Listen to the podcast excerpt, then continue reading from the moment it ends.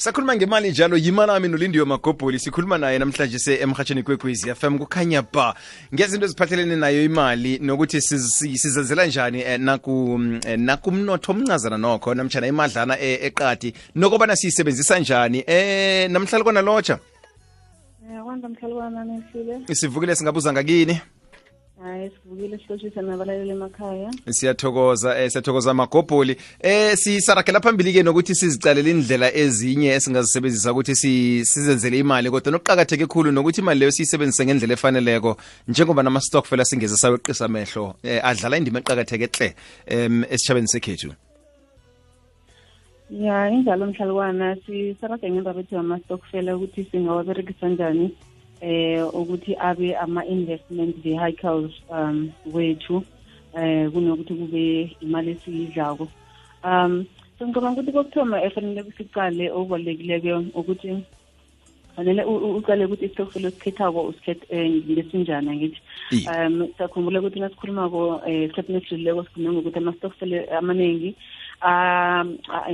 ngila anokudla izintokfela zokudla zemingcwabo eh into ezinjalo. So inofuna istokfel sakho ukuthi kuberekele ukuthi ube nemali wafanele uchange ukuthi kungabi istokfel lesi esizokulethela i-grocery mara kube stokfel esizokunikela imali. Ngithi eh meaning ukuthi nizokurotate imali noma ningathatha imali niyifake ebhankeni minoke njenge-club njenge-club and then mase niyikhipha ngemva kwesikhatshana izokuba namakonyana ngithi. And then mase seyinjalo iza isilulu so iyeberekise kangcono. Eh kunokuthi mhlambe uthi uzokuthi kuphela konyaka uthole i-grocery angithi so eh lokho kufuna ukuthi ucale ukuthi isocial sakho at least i-contribution sakhona kuzoba imali and awuzuthola ukudla. Eh kodwana nasele mhlambe ufuna ukuthoma into enjengebhizinisi mhlalukwane kufuneka i-business plan yakho kibe ucasise kuhle ukuthi yinto enjani izokufuna malini angithi. And ngingakadlulikele point ukuthi sometimes nasicabanga ibhizinisi sicabanga into ekulu yabona? Sicabanga into ekulu ezokufuna imali eningi enjani? So khona kuliqiniso ukuthi ibhizinisi lona lifuna umuntu onesineke and lithatha isikhathi ukukhula. Kodwana zikhona izinto ezilula njenge-ama-mobile fridges la amabhizinisi lamanyane yabona? Um ukuthi umuntu akuhamba yothengela i-mobile fridge ayirentise ebantwini emnyanyeni ngodisembe yabona? Uh, or umuntu akuhamba yothengela umchini mhlawumbe osika inyama emnyanyeni or izinto ezinjalo. So izinto ezincane lezo abantu abangakhoni ukuzenza ngemali abayifaka kuma-stockfela ukuthi nabakhiphako bangaseva imali leyo. Kodwa kubalulekile ukuthi umuntu azisise ukuthi yinto enjani afuna ukuyenza anesineke sayo azokhona ukuthi angalwa nayo avuke nayo. Ama-contributions la azoba important ukuthi wenze sure ukuthi usave enough. Akhe sethi ni-contribute ama-thousand rand and then ekupheleni konyaka mhlawumbe uzothola i-twelve thousand rand namakonyana ngaphezulu. I-twelve thousand into kufanele sikubuza ngokuthi i-twelve thousand rand izoba enough ukuthi ikuthomele ibhizinisi leyo nangabe ayikakazi ukuba enough of which isikhathi esiningi you need imali emore than leyo uzoyininga so nongathi ufuna uthenga i-mobile fish for example let's say angiyazi ukuthi imali but ngicabanga ukuthi mhlawumbe let's say twenty thousand. Imali leyo uzoyithola twelve thousand kwamele uyi-investe further. So kwamele uyikhiphe from i-stockfell round angithi uyoyifaka kenye i-investment vehicle ezokwenzela amakonyana amo um ukuze ufinyelele lapho. So izinto ongazicala lapho ungayithatha ifake kuma-shares ne? Ama-shares kulula ungena kiwo amabhanka mvanje anema-vehicles okuthi ungathenga ama-shares lula from ku-three hundred rand ngenyanga so uyakhona ukuthi ufake imali leyo kunjalo lapho. And then kunama-financial institutions as well angahelebha nokuthi ungene kuma-shares as well. Then also ungayifaka kuma-bonds as well. Depending ukuthi uzoyifuna msinya kangangani? Ngithi nawuthoma ibhizinisi akufuna ukuthi uhabe uyabona? Funa ukuthi funa ukuthi uyicabangise kuhle uyabona uvuke ekuseni ubona ukuthi usayicabanga nawe saseyinto oyifunako uyayibona? Ngoba akusinozokufaka into imali eningi entweni kwafanele ube nesiqiniseko sokuthi yinto oyifunako ozokulwa nayo suku nemini so kwafanele uzibuze so akufanele ukuthi uhabe so nosazibuzako usacabanga la imali leyo mdekhibe iyakhula lapho khunye ihlezi iyanda ngandlela thize so la amavele ama-vehicle esingawaberekisa ukuthatha imali leyo ifake kuma-shares eh izinto ezifana namabhanka boma-citrix zinto ezi-important lezo ongafaka imali ezokukhulisela zona. Mara imali leyo ibe ngaphasi kwesitock ngaphakandle kwestokfel mangabe usase usadlala istokfel leso ake ngithi ngikhiphe twelve thousand unyaka uza kusathomisa phasi ibhoda ngithi. Mhm. ekupheleni konyaka ngiyokhipha enye twelve thousand angitsho so naye twelve thousand lena iphuma kose ngiyoyifaka kileya ngitsho ngi- i- engqondo nami nginengqondo ukuthi ngiyokuvula ibhizinisi Yep. yayibona? Yep. so kwamele edekileyo mara nasele ihlanganako la ayikafanele ihlale ingaka inga- i- i- i- ingondi. Wafanele yonke.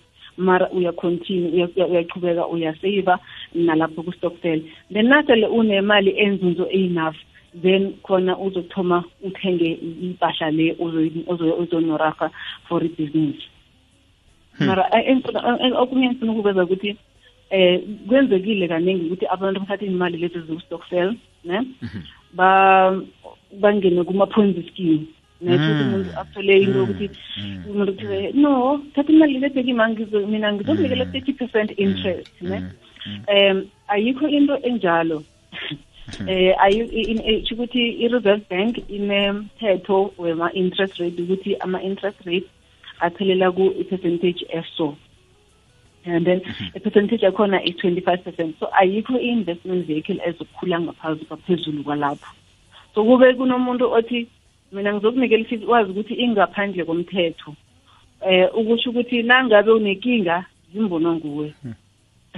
Eh and then um, in, into le i-investment vehicle fanele ibe i-registered FSP which financial services provider fanele ibe registered um kufanele ibe eh, ibe ibe semthethweni. And then imali uyifake lapha kunjalo ngoba ungathi usavile ubekile imali uyithathe uyifake ku-ponzi scheme uyithathe uyifake kwintweni ezingakabhalisa nasele kunenkinga ungabi nobuyo. So lokho kuyafana nokuthi uthele imali emanzini and and sesi- sesibeka ngelimi elilula ama-ponzi scheme. Eh nibiza bizwani konje masikhuphulane. Eh ya kuyakudla kuhle. Angilazi igama lendleleni akhona sesibeka ngendlela abantu abayikubiza ngayo. Ya so ziningi indwezo ezabantu abantu abaningi ebazithole baphakathi kwazo. So and eh, bazithole phak- and batho- uthole nasele umuntu avela ngento le awusenabuyo because angithi umuntu la akakabhaliswa akaka angingithi umuntu nakaregis- nakabhaliswako as a financial service provider eh kwafanele kaze ukuthi uhlalaphi ibhizinisi yakhe kuphi and then kunabanye abantu amdela aberekisane nabo kungabi umuntu munye um into ezozispeda i-risk. So ungathi imali yakho masuyikhiphileko um, then u- u- u- nangabe uyokuripota umuntu loyo umbuso uyazi ukuthi uyomthelaphi umuntu loyo ngandlela thize. Eh u- and then bazokwazi ukuthi bam- ba- ba- ba- ba- bazombuza ngemali lezo ukuthi kwenzakaleni. Eh look i-process ede but uh, engifuna ukuveza ukuthi imali engayifaki kuma-ponzi scheme. Yeah, uyabona yeah, yeah, yeah yeah. and then i- i- yeah i-ponzi scheme nje yinto nje engasisemthethweni eh so kufanele si- sibuze imibuzo leyo and then senze sure ukuthi eh imali zethu azilahleki ngabumi ngafitshazana nje bathi eh letha i-2000 akho leyo la njenganje kuyinyanga kakhukhulamungu nje ngunobayeni uyithola sekuyi-5000 endoda sekuzimbono nguwe lezo Hayi, sekubudisana nokho nokubana eh, Yeah. yeah, yeah. ya kukhona isakhulumeki okhunye ngitsho eh, ya, kukhona okhunye ngitsho i- into i-reserve bank iyacontrola Mm. um ekhe ngithi for ukubolekisana imali ne ama-credit provider eh kungelenye ihlangothi ama-credit provider kunabantu endleleni ababolekisana imali ne Bama- ba- ba- estradeni nje ba- ngizokuboleka imali ngizokucharge i-interest rate so illegal interest rate for isikolodo i-thirty-five percent ne? Anything engaphezu kwalokho bathi yini konje izinto ezizithole imali kalamashini laba bakuthathela ne-i d nothatha imali kini. Konje bamabizane bakhweza ikamela kafitshazana man. Iye iye iye iye. Bonabo mashonisa yes bathathelana ne-i d. Bathatha ama-interest high so they are not registered credit providers. So nakhona nangabe ufuna uthatha ibhizi- ufuna uthatha ibhizinisi yakho ube ngumuntu obolekisana ngemali u- u- kwafanele uyokubhalisa. Ube yi-registered credit provider. And eh, u- ukubhalisa kwakhona kulula. Uyabhalisa ube yi-registered credit provider mara kunemithetho ozofanele uyilandele lapha. Ngeke uchaje abantu i-fifty percent interest eh, eh, engasisemthethweni Yep. ngoba nje umuntu loyo angekhe aphume esikolodeni leso nakusasa uyayibona? So Right. zizinto ezinjalo kufanele sizigalisise sho ukuthi nayo i-business opportunity ukuthi ubolekisane ngemali kodwana kwafanele ubhalise ngokwasemthethweni. Ulandela Uyayibona? imithetho Kube- khona iyo. Ngiyolandela imithetho khona na ibhizinisi eberegago engakwenzela imali. Lokho kuliqiniso. Eh ngaphasi komthetho. Ene bewuzabe udlileke yonke phela vekeni siyakiyo lenge ngomshagalo lokube busaragela phambili nobolekisa ngemali. Eh yo. so no kuhle kuhle njalo. Ngisho kunamagama atsho esingisini apheza njalo ukuthi um never let a, a, a good crisis go to waste. So bebatsho zona ezike. So eh lindiwe sekwalesikhathi kwaphela. Eh kodwa ufumane kanjani um ku social media nemtatweni? Eh ku social media ngikhona ku um Facebook page yami ematsheleni eh uye lapho ufike upress ulike ngizokuthokoza kakhulu. Um and then efonini satholakala ku 0823177768 um and then abantu ama ama angitsho gcizelele esikhathini esidluleko nathi istokfela indlela esiberegelako indlela ekhona esiyibonile ukuthi iyasiberegisa iyasiberegela and then iletha imali eningi so esifuna ukukutsho ukuthi imali leyo asiyenze ukuthi isiberegele ukuya phambili undlulela nambala nambala. Umhlago khona ulwile. Umhlagosokufela umhlago ulwile. Angeke sikubalekele lokho kodwa nje sifuna ukuya kenye ilevel um sikudlulele la sikhona. Lindiwe makhopoli sithokozile uh, thina ukhuluma nawe sikhuluma nawe kodwa ngokuzakwa ngitsho. Mhlalo kwami ahake siyathokoza. Le ikwekwezi fm 26 minutes past uh, 2 o'clock.